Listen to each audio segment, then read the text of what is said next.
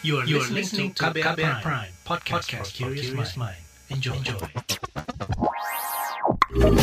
Kamu lagi dengerin What's Trending KBR Pagi.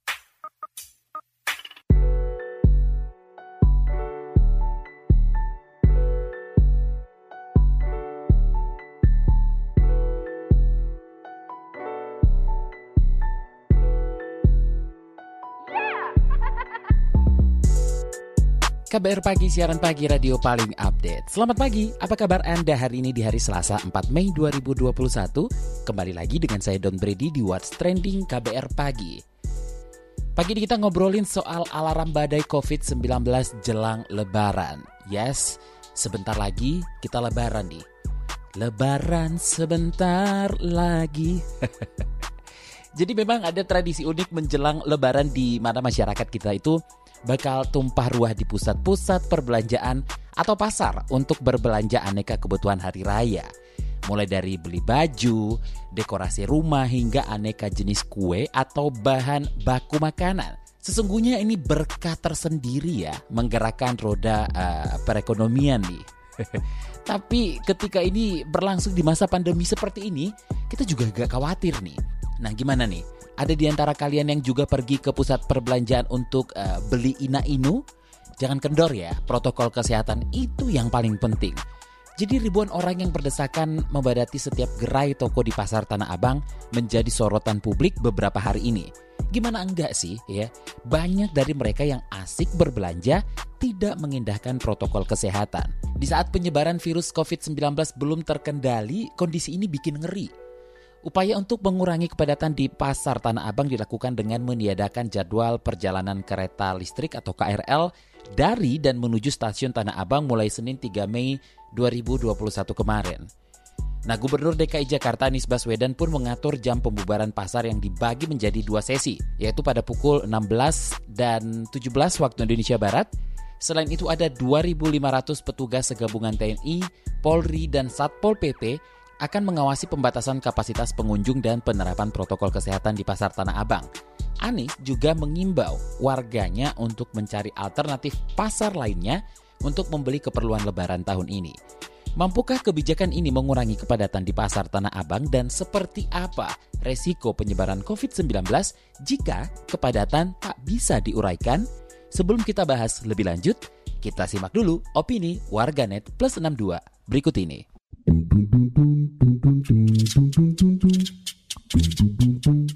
Kita ke komentar at Ichika Yui, THR cair dan Tanah Abang membludak. Lalu komentar at Rick Sanchezit, gue nggak ngerti deh dari dulu sama orang yang demen banget belanja baju lebaran di Tanah Abang. Lanjut ke komentar at Malhamakubro, kebanyakan yang belanja di Tanah Abang tuh dari luar Jakarta. Karena akses ke Tanah Abang mudah dan murah via KRL. Dan itu udah rutin tiap Ramadan selalu penuh. Lanjut at Yvonne Darm, gue kasih tau lagi nih, belanja online orang sering kecewa nggak real pick. Tapi belanja langsung ke Tanah Abang Abang tuh surga banget. Barang bagus harga murah. Mereka kan gak boleh mudik terus disuruh belanja ya mereka seneng-seneng aja. Lalu at Cynthia 79 yang mention at DKI Jakarta. Tolong dong untuk tiap pasar disidak nih. Apalagi sekarang mau lebaran pasti banyak banget pengunjung mau beli baju lebaran kan. Jangan sampai kejadian seperti Tanah Abang.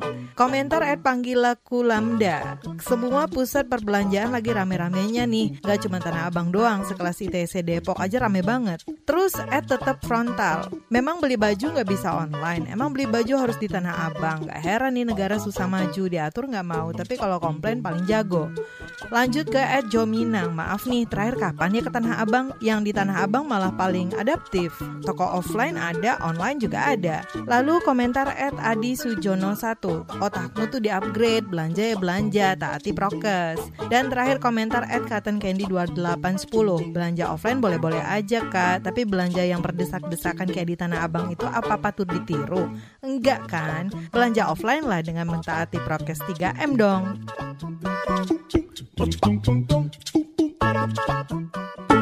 What's Trending KBR Pagi Balik lagi di What's Trending KBR Pagi Alarm badai COVID-19 jelang lebaran Ini yang kita obrolin pagi ini Jadi pada Minggu 2 Mei 2021 Gubernur DKI Jakarta Anies Baswedan meninjau pasar Tanah Abang terkait membludaknya jumlah pengunjung menjelang Idul Fitri. Ia pun mengungkapkan beberapa kebijakan Pemprov DKI Jakarta untuk mengatasi permasalahan kerumunan di Pasar Tanah Abang. Berikut pernyataan selengkapnya. Jadi berbeda dengan hari-hari sebelumnya, hari Sabtu kemarin terjadi lonjakan jumlah pengunjung yang pada hari-hari sebelumnya sekitar 35 ribu, kemarin melonjak menjadi 87 ribu. Pengendalian dilakukan dengan mengerahkan sekitar 2.500 personil terdiri dari unsur polisi, ada BRIMOB, ada Sabara, unsur TNI, ada dari Kodam, ada dari Angkatan Laut Marinir dan Angkatan Udara Paskas dan juga dari Satpol PP. Diterjunkan untuk menjaga agar ketertiban mengikuti protokol kesehatan dilakukan. Pasar akan ditutup dengan dibagi. Ada yang tutup jam 4 dan ada yang tutup jam 5 untuk menghindari keluar bersamaan dan kemudian menuju pada titik yang hampir sama karena hari kemarin yang menggunakan kereta api sekitar 45 ribu. Jadi hampir separuh dari mereka yang datang di kawasan ini menggunakan kereta api. Jadi pengendalian akan dilakukan di kawasan pasar maupun di kawasan sekitar stasiun pukul 3 sampai dengan 7 KCI tidak akan berhenti di Tanah Abang sehingga tidak mengangkut penumpang dari sana. Pemprov DKI Jakarta menyediakan bis Transjakarta yang akan beroperasi dari Jalan Jati Baru mengangkut penumpang menuju stasiun-stasiun yang lain. Bila pasar penuh, maka jalan-jalan ditutup, pengunjung tidak bisa masuk. Itu di jalannya, di pintu-pintu juga begitu. Disiapkan petugas ketika jumlah orang di dalam pasar masih banyak, maka pintu ditutup sehingga warga tidak masuk sampai jumlahnya berkurang. Jadi kebijakan buka tutup ini akan jalan terus besok. Buka tutup lalu lintas, buka tutup pintu pasar, pengendalian masuk keluar lewat stasiun, dan juga penertiban di jalan-jalan sekitar kawasan Tanah Abang. Intinya kita lakukan pengendalian di sini. Tapi pesan lain yang penting yang kami ingin sampaikan kepada seluruh masyarakat bahwa di Jakarta ada banyak pasar. Kami menganjurkan kepada seluruh masyarakat untuk mendatangi berbagai pasar yang ada di Jakarta selain pasar Tanah Abang ini. Dengan begitu masyarakat bisa mendapatkan barangnya tanpa harus mendapatkan risiko datang di tempat yang penuh kerumunan. Kami perlu garis bawahi bahwa ini tugasnya bersama-sama. Kami dari sisi pemerintah bersama TNI Polisi menjaga ketertibannya, tapi kami juga menghimbau kepada masyarakat bila mau berbelanja maka tentukan lokasi yang memang tidak penuh, yang memang lebih longgar. Dengan begitu kita sama-sama mencegah kerumunan dan sama-sama menjaga kesehatan. Nah, Direktur Utama Perumda Pasar Jaya Arif Nasrudin mengklaim pihaknya akan mengevaluasi pengawasan serta mengatur kembali berbagai langkah dalam menertibkan pengunjung di setiap pasar, khususnya Pasar Tanah Abang. Pasar Jaya juga mengatakan bakal mengatur ulang teknis pengawasan terkait jumlah petugas yang akan ditempatkan di setiap pasar. Menurut Arif, hal ini dilakukan supaya tidak ada celah dan peluang terjadinya pelanggar protokol kesehatan selama aktivitas perbelanjaan menjelang lebaran. Sementara itu Asosiasi Pengelola Pusat Belanja Indonesia atau APPBI memastikan adanya pembatasan pengunjung di mal dan pusat perbelanjaan selama pandemi. Dewan Pembina APPBI Handaka Santosa mengatakan pihaknya telah mengantisipasi lonjakan pengunjung jelang Hari Raya Idul Fitri berdasarkan aturan pemerintah, yakni pembatasan pengunjung sebesar 50 persen. Ini dia. Ya, jadi kalau dilihat mendekati Hari Raya Idul Fitri ini baru akhir bulan April ya. Memang sudah kelihatan ada tendensi kenaikan kunjungan gitu. Walaupun belum maksimum. Kenaikan ya kita lihat ada suatu kenaikan bervariasi ya antara 30 sampai 50 persen. Pengelola sangat ketat menerapkan. Kalau dilihat di mall kan sangat ketat menerapkan. Begitu banyak yang masuk kan udah langsung diawasin gitu kami para pengelola mall dan juga retail di dalamnya nggak ingin sampai terjadi sesuatu. Jadi bukan hanya lonjakan customer ya, operasional intern, karyawan pulang pun kami, kami juga udah sangat ketat menerapkannya, sangat disiplin. Masing-masing ramenya itu menyesuaikan sendiri-sendiri. Ada yang tutup jam 9, ada yang ada yang buka jam 12, ya kan kayak di Bali, Discovery Mall bukanya jam 12, ya ikuti jam 12 Mhm. Karena di Bali kan juga customer karena turisnya nurun, jadi mereka juga belum berani buka jam 10 ya jadi nggak semua mau ngikutin buka lebih awal dan tutup lebih late tapi lihat customer masing-masing. Nanti kita akan ngobrol dengan Dewan Pakar Ikatan Ahli Kesehatan Masyarakat Indonesia IAKMI. Jangan ke mana-mana. What's Trending KBR Pagi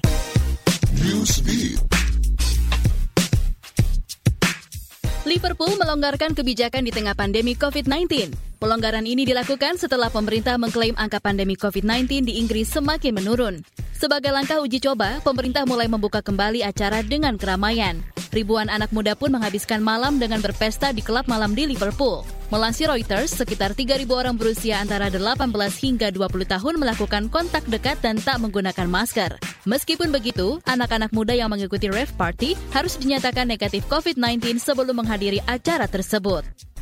Kementerian Luar Negeri Korea Utara menolak ide untuk membicarakan soal negosiasi diplomatik denuklirisasi.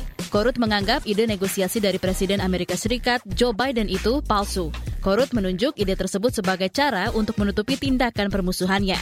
Meskipun begitu, Gedung Putih menyatakan goal mereka adalah denuklirisasi seutuhnya untuk semenanjung Korea.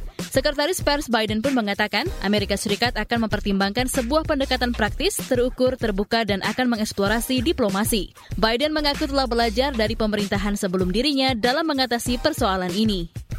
Di tengah pandemi COVID-19, band rock Genesis mengumumkan akan mengadakan tur Amerika setelah 14 tahun lamanya vakum.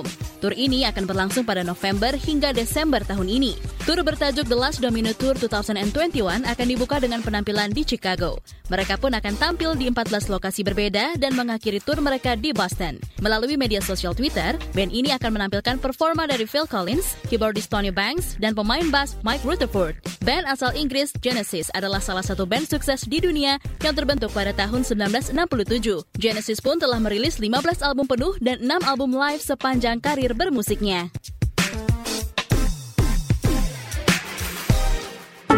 What's Trending KBR Pagi Balik lagi di What's Trending KBR Pagi bersama saya Don Brady. Seperti yang saya katakan tadi, kita akan ngobrol dengan Dewan Pakar Ikatan Ahli Kesehatan Masyarakat Indonesia, yakni ada Hermawan Saputra. Pak Hermawan, bagaimana nih respon Anda terkait kerumunan di pasar Tanah Abang? Iya, ini sesuatu yang memprihatinkan ya. Artinya inilah yang kita khawatirkan kalau udah menjelang hari-hari Lebaran atau Hari Raya. Nah, yang menarik ini gini, menjadi khas karena alarm dari Tanah Abang ini menunjukkan tiga hal. Pertama, alarm untuk DKI Jakarta sendiri. Jadi DKI dengan potensi berkerumunnya ratusan ribu orang, kalau kita ambil positivity rate 10%, mungkin ada 10 ribu orang dalam risiko, dan mungkin dari 10 ribu orang bisa jadi 1.000 eh, sampai 2.000 kasus itu akan terjadi. Nah, kemudian alarm Tanah Abang ini juga menunjukkan alarm untuk Indonesia Bayangkan Tanah Abang ini adalah pusat grosir dan itu distribusi untuk seluruh Indonesia. Nah, sehingga barang juga akan terdistribusi ke daerah.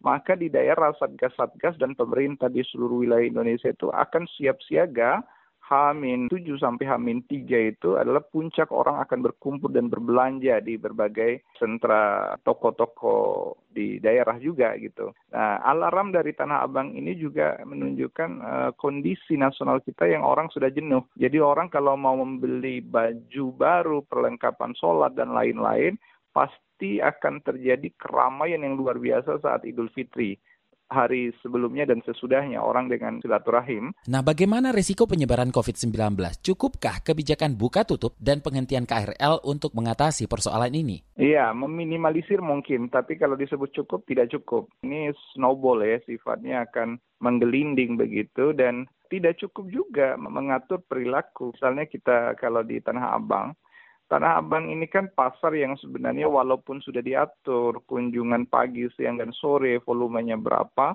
tetapi di situ ada ruang tertutup vertikal dan di situ ada barang gitu loh.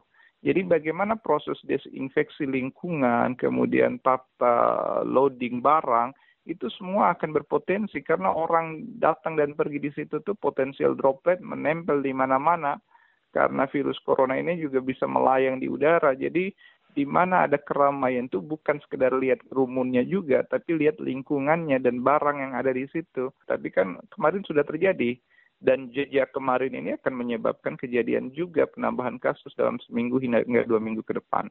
Jadi kalau kemarin sudah terjadi begitu banyak orang yang ke pasar Tanah Abang, boleh jadi 3-4 hari ke depan volume yang sama akan terjadi di seluruh sentra-sentra perbelanjaan di daerah.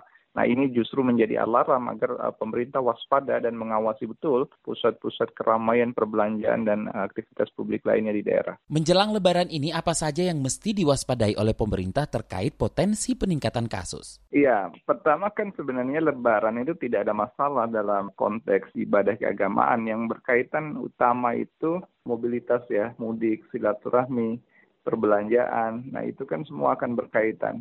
Nah, aktivitas keagamaan juga memang ada resiko. Mulai dari kita selama Ramadan itu kan tarawih dan berbagai kegiatan ibadah. Nah, tetapi kan di berbagai musola masjid juga dibentuk satgas. Nah, puncaknya itu sebenarnya justru aksesoris kegiatan tuh, misalnya eh, sore takjil, pusat-pusat perbelanjaan, itu kan selalu ada dan minim pengawasan sebenarnya. Nah, ini yang kita himbau menghimbau perilaku kesadaran masyarakat itu tetap harus dilakukan, tetapi suasana seperti ini memang pengawasan yang menjadi andalan. Ya. Satgas-satgas itu ketimbang sibuk mengatur lalu lintas di lapangan, kemudian menyekat jalan segala macam, lebih baik hadir di titik-titik pusat perbelanjaan, pusat-pusat keramaian untuk melihat penegakan protokol kesehatan agar tidak berkerumun. Nah itu juga harus dipantau dengan baik saya pikir.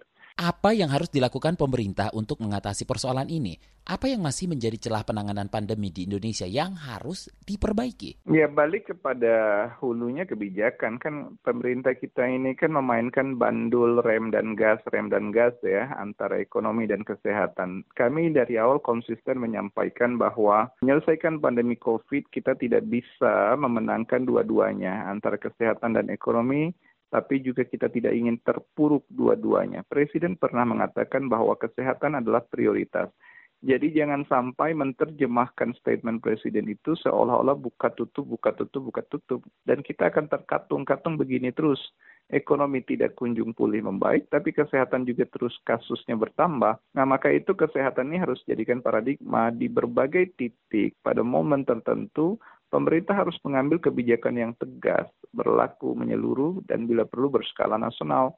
Nah ini yang harus dilakukan. Kita juga tidak ingin ya, eh, seperti India, belajar dari kasus India sebenarnya pemerintah India itu cukup baik tapi begitu sekali diberi ruang untuk aktivitas keagamaan ya nah maka terjadi badai di India nah upaya-upaya sebelumnya seolah-olah menjadi sia-sia padahal pemerintah India cukup bagus. Nah kita sebenarnya tidak sebagus India di dalam proses testing tracing treatment. Kemudian upaya-upaya kita ini harusnya terus ditingkatkan tapi kita sebaiknya memperkuat komunitas ya.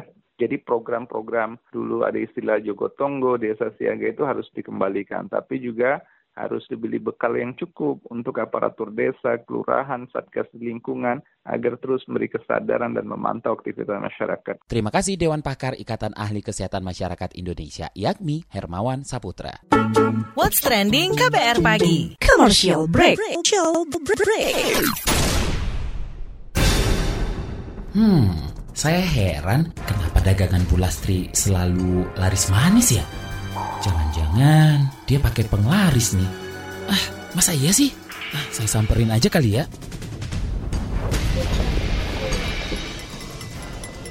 Eh, Pak Bayu, gimana Pak? Udah makan siang belum? Iya Bu Lastri, belum nih. Saya lihat dagangan Bu Lastri laris terus. Bu Lastri pakai penglaris ya? Memang betul pak, saya pakai penglaris. Wah, Bu Lastri, saya dibagi dong penglarisnya. Boleh dong pak.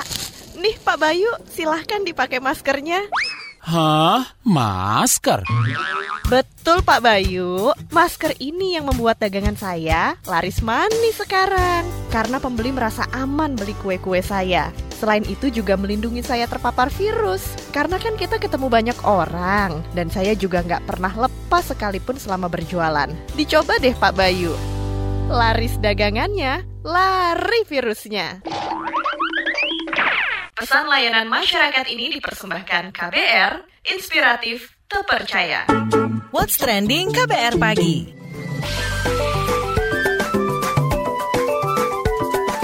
WhatsApp Indonesia WhatsApp Indonesia kita awali dari Jakarta. Pemerintah mendorong generasi milenial untuk berwirausaha sejak dini. Menurut Menteri Usaha Mikro, Kecil dan Menengah atau UMKM Teten Masduki, tingkat kewirausahaan Indonesia saat ini masih di bawah 4%. Padahal menurutnya perekonomian Indonesia sangat dipengaruhi oleh geliat pasar usaha milik rakyat. Teten mengatakan jumlah kewirausahaan Indonesia masih kalah dibandingkan dengan Thailand, Malaysia, dan Singapura. Rata-rata jumlah wirausaha di negara maju mencapai sekitar 14 persen. Teten Masduki menambahkan, Indonesia saat ini memiliki 68 persen masyarakat dengan usia produktif. Jumlah itu tidak sebanding dengan lapangan pekerjaan yang tersedia.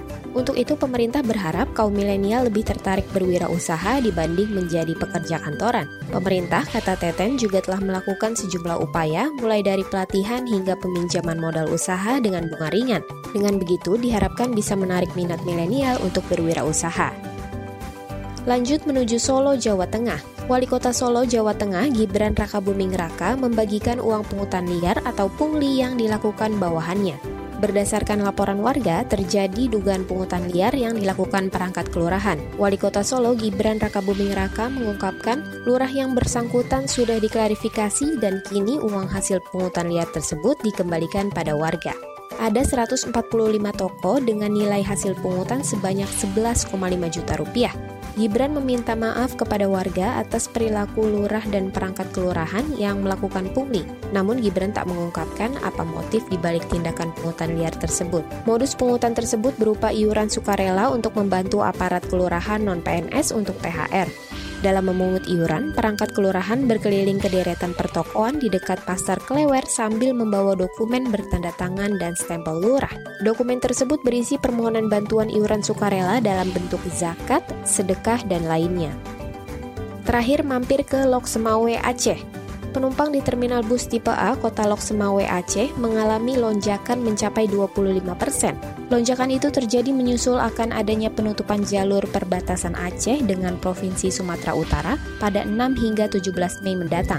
Petugas loket CV Bus Kurnia, Amrijal mengatakan, mayoritas penumpang menuju Medan, Sumatera Utara. Sebelumnya, Direktur Lalu Lintas Polda Aceh melarang siapa pun pengguna jalan raya yang melintas antar kabupaten maupun provinsi yang tak mengantongi surat rapid tes antigen pada tanggal 3 hingga 5 Mei 2021.